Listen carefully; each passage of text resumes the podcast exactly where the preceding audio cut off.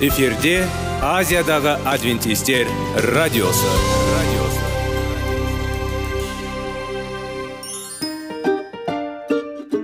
сәлем достар. Денсаулық өмір бұлағы және біздің бірінші байлығымыз демекші денсаулық сағаты рубрикасына қош келдіңіздер.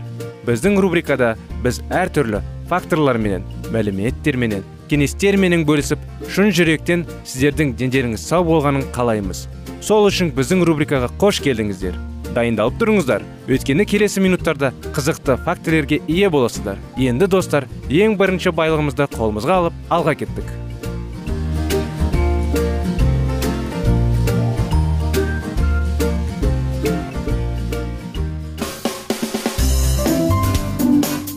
Денсаулық туралы хабар. Денсаулықтың ашылуы. Күн сайын сөз үшін күшті кеңестер соңғы жаңалықтар қызықты факторлар. Біздің рубрикада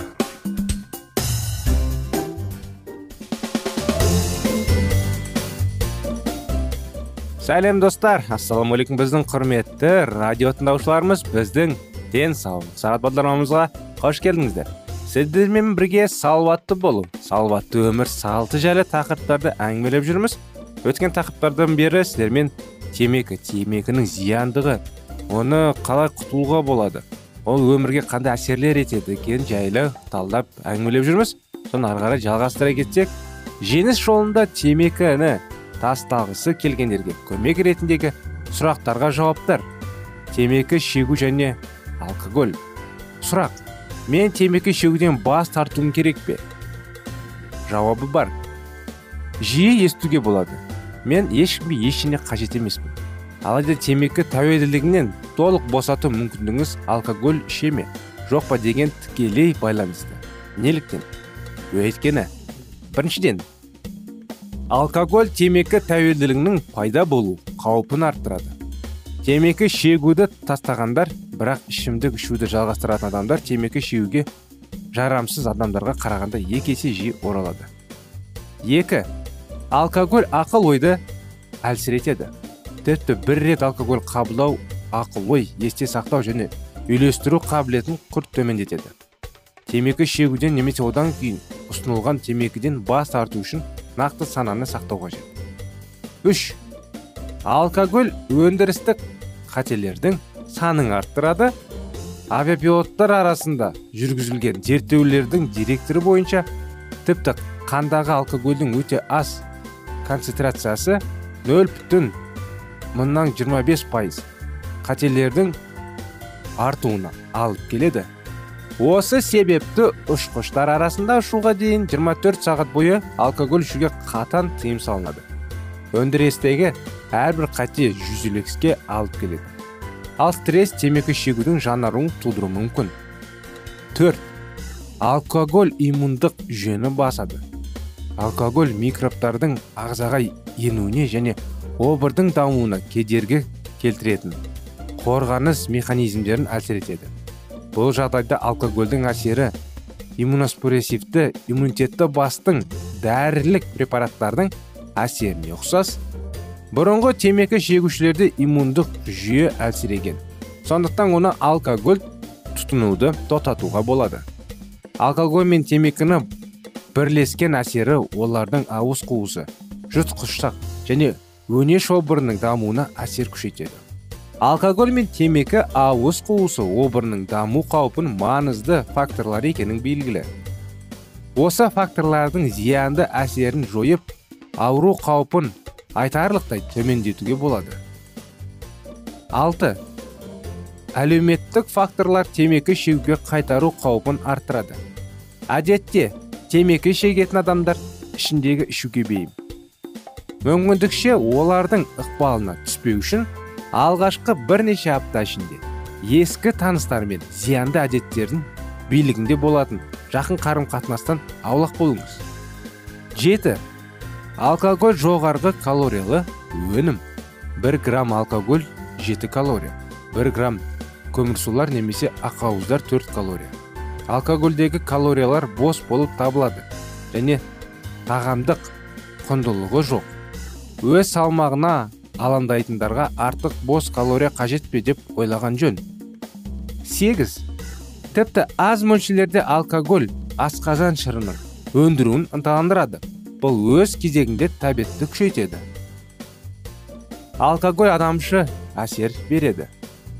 Бұл тағам дәмді болады және тәбетті ынталандырады. Уақыт өте келе дәмді рецепторлардың алкогольмен жүйелі түрде тіркеуіне дәм сезімінің артуына алып келеді. Нәтижесінде сіз әдеттегі тақымақтаныңыз.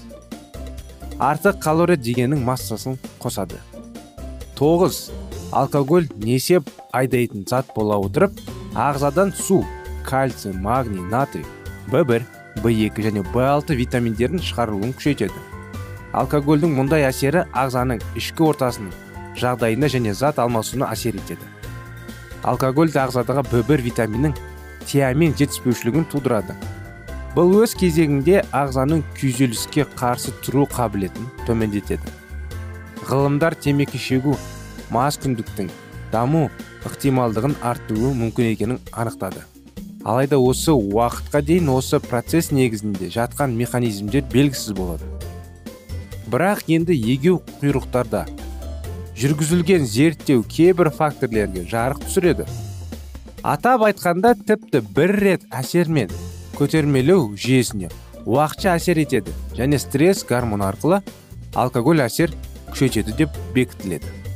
Ынталандыру жүйесінде алкогольге төмен реакция екі механизм арқылы пайда болады.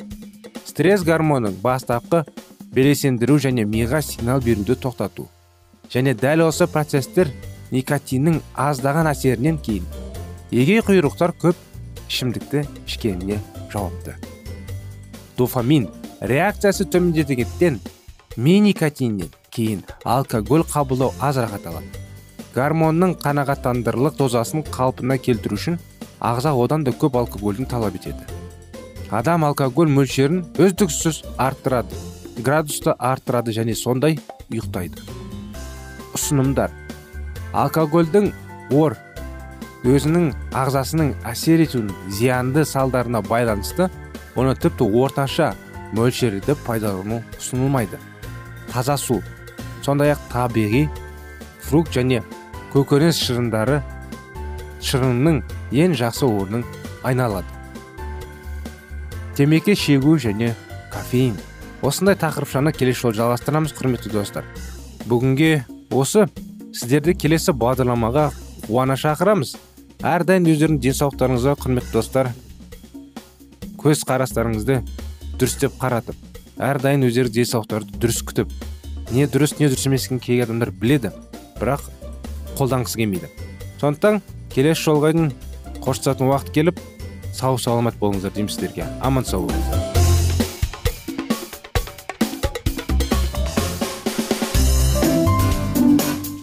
Денсаулық туралы хабар.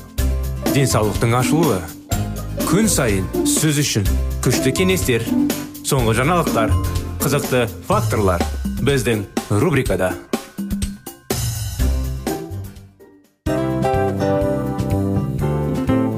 Әуелі байлық денсаулық екінші байлық он саулық үшінші байлық ақ жаулық. Ал енді осындай радио парақшадан кейін не дейміз? Барлықтарыңызға денсаулықтарыңыз зор болсын деп тілейміз. Денсаулықтың өзгеруі кішкентай нәрселерден басталады. Осымен біз берген кеңестер мен мәліметтер шын жүректен сіздер үшін қандай да бір болсын жәрдем берді деп үміттенеміз. Тыңдаушыларымызбен келесі радио парақшасына дейін қоштассамыз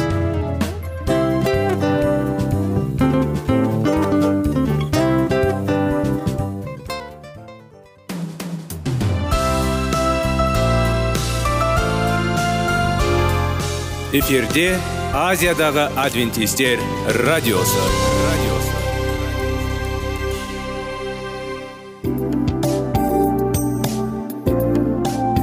Сәлем достар.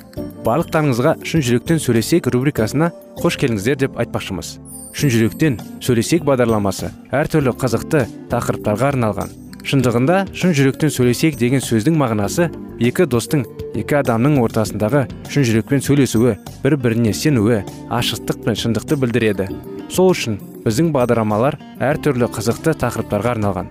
Дайындалыңыз жаңа қызықты мәліметтерге ие болға ондай болса кеттік.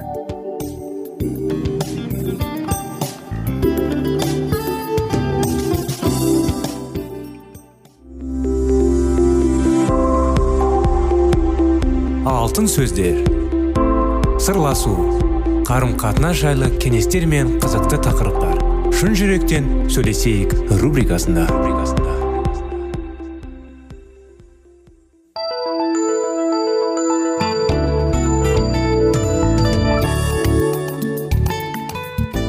Сәлем достар.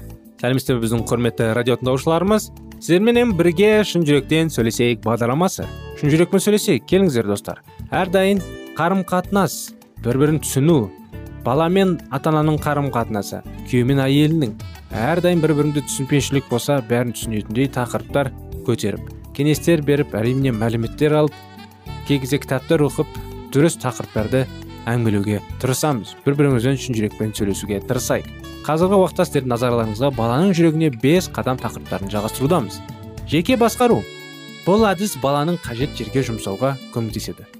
Бұл баланың мінез құлқын қадағалаудың екінші он әдісі. Ол әсіресе кішкентай балалармен тиімді. Олар біздің қалауымыздың не істесе де олардың мінез құлқын жаман деп айтауға болмайды.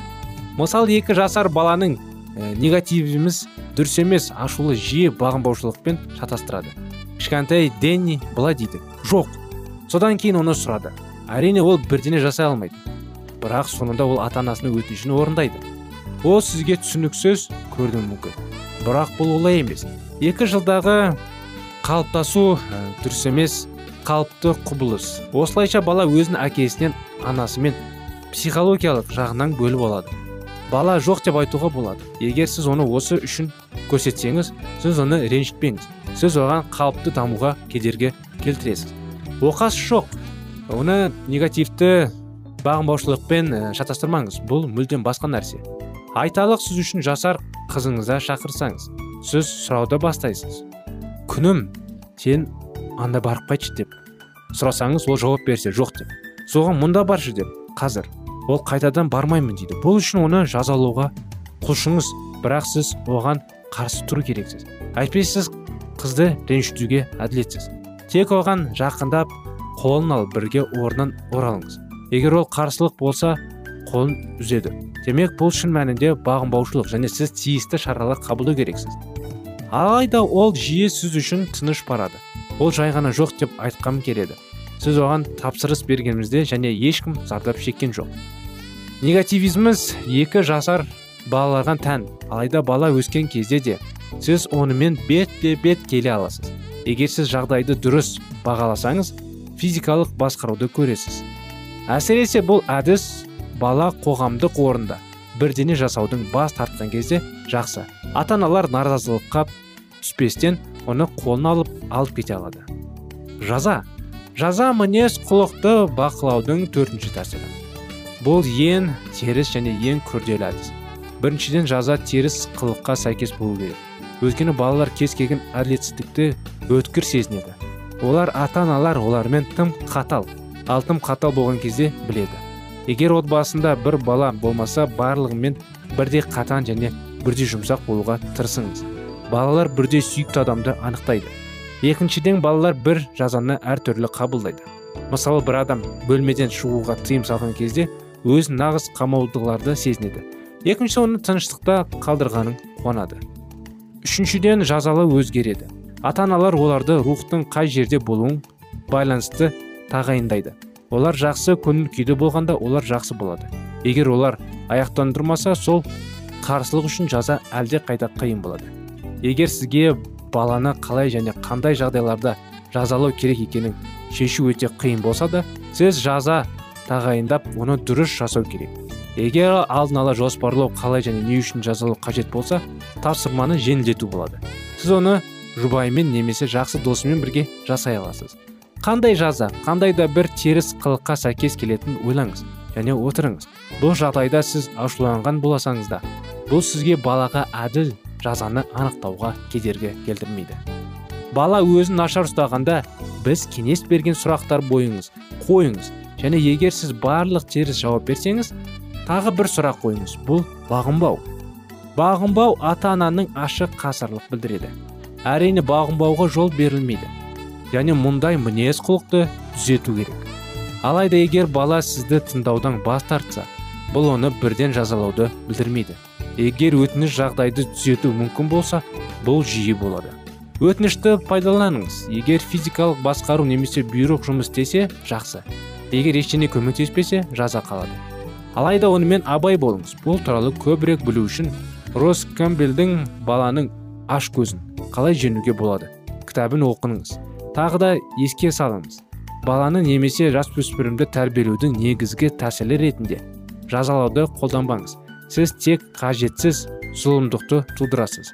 Сонымен қатар сіз баланы ашулаңызды басуға мәжбүрлейді. Содан кейін тек кек алуға тырысып ол сізге пассивті агрессияға жауап бере алады.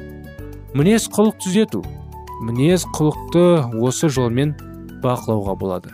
Сіз оны күшейтуді балаға жағымды нәрсе жасайсыз. Теріс күшейтуді оған жағымды нәрседен бас тартасыз. Немесе оны жазалайсыз оған жағымсыз нәрсе жасайсыз. Оны күштің мысалы жақсы мінез құлық үшін сіз балаға кәмпит бересіз. Теріс бекіту нашар мінез құлық үшін сіз баланы теледидар көруге тыйым саласыз. Классикалық мысал жасау. Баладан жаман мінез құлыққа алаңдамау үшін сіз оны бұрышқа қойыңыз. Кейде мінез құлыққа түзету пайдалы әсіресе басқа тәрбие әдістері. Әрекет етпес және бала жаман мінез құлыққа өкінбейді. Бірақ біз бұл әдісті тек төтенше жағдайларда ғана қолдануға болады деп есептейміз. Егер ата аналар осы әдісті теріс пайдаланса бала олардың махаббатын сезінбейді. Басты себеп мінез құлықты түзету өзінің мәні бойынша шарты бала өзін қажетінше ұстаса ғана марапатқа ие болады. Сонымен қатар бұл жағдайда баланың сезімі де қажеттілігі де ескерілмейді және ол сөзсіз махаббат сезбейді. Егер ата аналар баланың мінез құлқын осы жолмен бақылауға тырысса онда оның жалған құндылықтары жүйесі пайда болады. Ол ұмтылатын жалғыз нәрсе марапат. Оның қатынасы бұл үшін маған не болады деп. Мінекей осындай анықтамалар құрметті достар бағдарламамыз дем арасында аяғына келді. Сіздермен келесі жолға дейін қоштасамыз сау болыңыздар.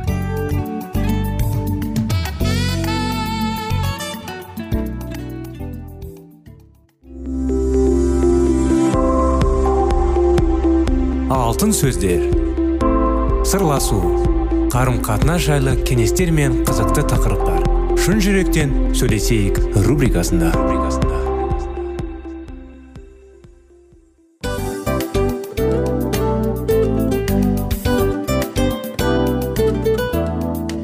Құрметті достар барлық ең соңғы кеңестер аяқталған соң біздің программамыз соңына келіп қалды.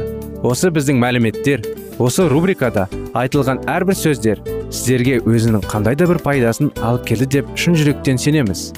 Және бұдан да көптеген рубрикаларымыз бар. Басқа рубрикаларымызда біздің зерттеулерімізде сіздер үшін тағы да қызықты мәліметтер дайын. Біздің шын жүректен сөйлесейік парақшамызда көптеген әдістер ең соңғы кеңестер адамның нравственность жақтан моральдық жақтан тазалап байыта тұрған соңғы кеңестердің барлығын жанарады. Сондықтан алдыңғы күндерде бізбен бірге болыңыздар. Өйткені барлық қызықтар алдыда. Бізбенен бірге болғандарыңызға үлкен рахмет. Келесі кездескенімізше сау сәлемет болыңыздар.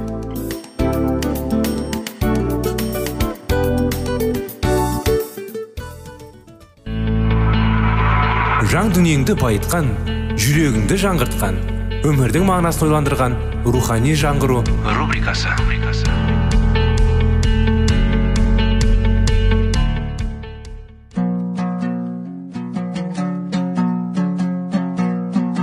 Ассалаумағалейкум біздің тыңдаушыларымыз. Келі кітаптың шындығын ашып берген қысқа бағдарламасына қош келдіңіздер. Барлығынан жоғары жаратушы біздің қарыңғылықта жалғыз қалдырып қойған емес. Өйткені ол келешекте не болу керек екенін кітаптың парақтарында ашып береді. Немесе келіңіздер бізге қосылыңыздар. Жаратушы бізге нен ашып бергенін зерттейміз. Құрметті достар армысыздар ассалаумағалейкум біздің рухани жаңғыру бағдарламамызға қош келдіңіздер. Сүйіну қалай үйрену тақырыптарын жалғастырудамыз. Алдында өткендегіндей сүйіну әрине кейбір адамдар сүйінуға оңай қарайды. Кейбірлер қиналады. Кейбірлер қобалжиды. Қалай сиынамын деп не үшін сиынамын деп? Оның бәрі керек па деп. Әрине керек достар. Ол құдаймен байланыс. Дұға ол бізді құдаймен бірге біріктіреді. Әрине құдайдың сөзін оқысақ тіпті керемет болады. Өйткені біз жүректегі мұқтаждарымызды құдайға ашамыз ал құдай өзінің сөзін арқылы бізге көмек беруге тырысады. Жауабын айтуға. Мұнажат бөлмесі шайқас аланың өзі болып табылады. Бұл жерде тағдырына тиетін күшті соққылар беріледі. Көрермендерсіз және тыңдаушыларсыз. Осы тыныштықта жанның уақытша және мәңгіліктегі тағдыры шешіледі. Мінәжат ету бұл өзіңді исаға ашу. Егер келі рух ар ұжданыма көрсетіп берген күнәларымның тым болмағанда біреуін жасырып қалатын болсам онда мен сол арқылы исаның жаныма енуіне кедергі жасаймын. Жанымның мазасыздағы мен ауруының жөніндегі жөнілдетуге тырысып оны мұнажат деп санап сөзімді жалғастыра бергенімнен онда мен үшін мұнажат тоқтайды. Көптеген сиынушылар осы майданда жеңіліп тапты және де жеңіліс тапты. Мұнажаттың рухы олардың тастап кетуге мәжбүр болды. Сөйтіп олар мұнажат қайраткерлерінің қатарынан шығып қалды. Егер бұл кітап осы бағдарлама аса қажет еткен адамның қолына және де құлағына ілінетін болса онда осы бағдарлама басында айтқан сөздерді оның есіне қайтадан сала кеткім келеді. Иса есікті қағып тұр. Оның қайтауыр қайдан кіргісі келеді? Ол сені көтергісі келеді. Саған өз күнәң тым ауыр болып көрінгендіктен оны жасырып қалмақ болдың. Бірақ бұл жерде не айтылғанын тыңда. Міне мен есік алдында келіп қағып тұрмын. Кімде кім даусымды естіп есік ашса мен оның жан дүниесіне еніп онымен бірге дастарқандас боламын. Ол да рухани нәр алып менімен тығыз байланыста болады. Сен есікті ашқың келе ме? Әрине бұл жерде исаның ненің мензеп тұрғанын сен түсінесің. Бұған дейін ақтап және құптап келген күнәді мойындағың келе ме? Онда сен өзіңді қинаған мұқтаждығына және күнәға қатысты дәрменсіздігіне исаны егізесің. Сонда құдіретті мықты ол күшті дұшпаныңды бейшара жаныңнан қуып шығарады. Қорытындылай келе біз мінәжатқа қатысты қиындықтардың бәріне тек біздің мінәжат рухына қарсы шыққандарымыздан ұшыраймыз. Иә кейде біздің мінәжатымыз сиыну рухына деген қарсы күрес. Әрине мұндай кездері мұнажатымыз қиын арпалыс болады да көбіне жауапсыз қалады. Ақырғысы егер біздің мінәжатымыз сиыну рухына қарсы үздіксіз күрес болатын болса онда бұл бізді тастап кетеді және біздің барша мұнажаттың өміріңіз деседі сайып келгенде мұнажаттың күрес біздің. Мәні біздің тәни және рухани мұқтаждарға ғана қатысты әлсіз болатынымызды емес. Біздің жалпы мұнажатқа қабілетімізге қатысты әдістігіміз сондай. Мұнажатымыз тек сену рухына жалбарыну болып қалады. Ішкі немесе сыртқы үлкен немесе шағын мәселелер үшін өзіміз немесе өзгелер үшін сиынсақ та мұнажатымыз сену рухының енді бізде не туралы сену керектігін қалайтынына ақырына құлақ асуға айналады. Бірінші кезекте сиыну рухының шақыруына құлақ асуға тиіспіз. Бұл жерде иса аятында айтатын күрес қажет себебі. Рух сиынғысы келеді ал тән оған қарсылық көрсетеді. Әрі қарай мінәжат кезінде келі рухтың бізге не айтқысы келетінін есту үшін күресу қажет. Әрине үйреншікті күнәларымызды ашу біз үшін қиын. Сондай ақ келі рухтың белгілі бір адамдар үшін қалай сүйінуіміз керектігі туралы ескертулеріне құлақ асу үшін бізге күнделікті күрес және сергектік қажет. Егер біз келі рухқа мұнажаттарымызды әрекет етуіне ерік беретін болсақ онда біз шынайы мұнажаттың тек таңдауларға ғана емес қарапайым адамдар үшін де мүмкін екенін бастан өткереміз. Сонда біз мұнажаттың шын мәніндесінде сүйіну рухын сұрау керектігін түсінеміз. Мұнажаттық күрестің жалғасы. Бауырластарым сендерден иеміз иса мәсіхтің атымен және келі рухтың сүйіспеншілігімен өтінемін. Құдайға мен үшін сыйына отырып рухани күресіме атсалысыңдар. Ол мені яхудия аймағындағы сенбеушілердің құтқарсын елшінің бұл сөздері бізге мұнажаттық күрестің жаңа қырын көрсетеді. Бұл жерде ол күрес сипатын қабылдайтын басқа мұнажат туралы сұрайды.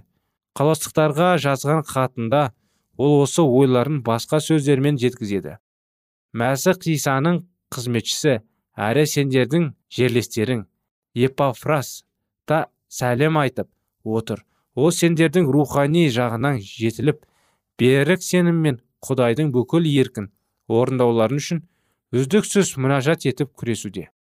Оның сендерді және ладуки мен ереполдағы бауырластарды қатты уайымдап жүгірме күмән. Осы мұнажатты күресті көп адамдар дұрыс түсінбейді. Оны құдайға сиындуға пікірлтас деп қабылдайды. Мұндай түсінік құдай өзін сыйларын беруді барынша созып береді. Сондықтан олардың қандай да бір жолмен иелену қажет деген ойға жол беріледі. Осылайша олар мұнажатты құдайдың тарапынан болатын қарсылыққа төтеп беру және құдайдың біздің өтінішімізді орындауға шақыратын құрал деп есептейді. Егер де мұнажат орындалса онда тек сиынушының мұнажатта құдаймен таласып оған өзінің өтініштерін үздіксіз айтып мұқтаждықтың күрделі екенін сендіргенше одан қалмағандықтан деп санайды. Мұндай түсініктің мәсіхшінікі емес пұтқа табынушылық екеніне көз жеткізу үшін тіпті киелі кітапты жақсы білудің де қажеті жоқ. Құдай ізгі бұл жерде мәселе біздің табанды өтініштеріміз өтініштерімізбен күресіміз арқылы оның бетін бері қаратуда емес. Тәңір ие тәңір иеміз еш жазғырмай ақ бәріне жомарттықпен бере салады. Мінекей құрметті достар осымен біздің бағдарлама аяғына келді. Сіздерді келесі бағдарламаға шақырамыз. Келесі жолға дейін сау болыңыздар.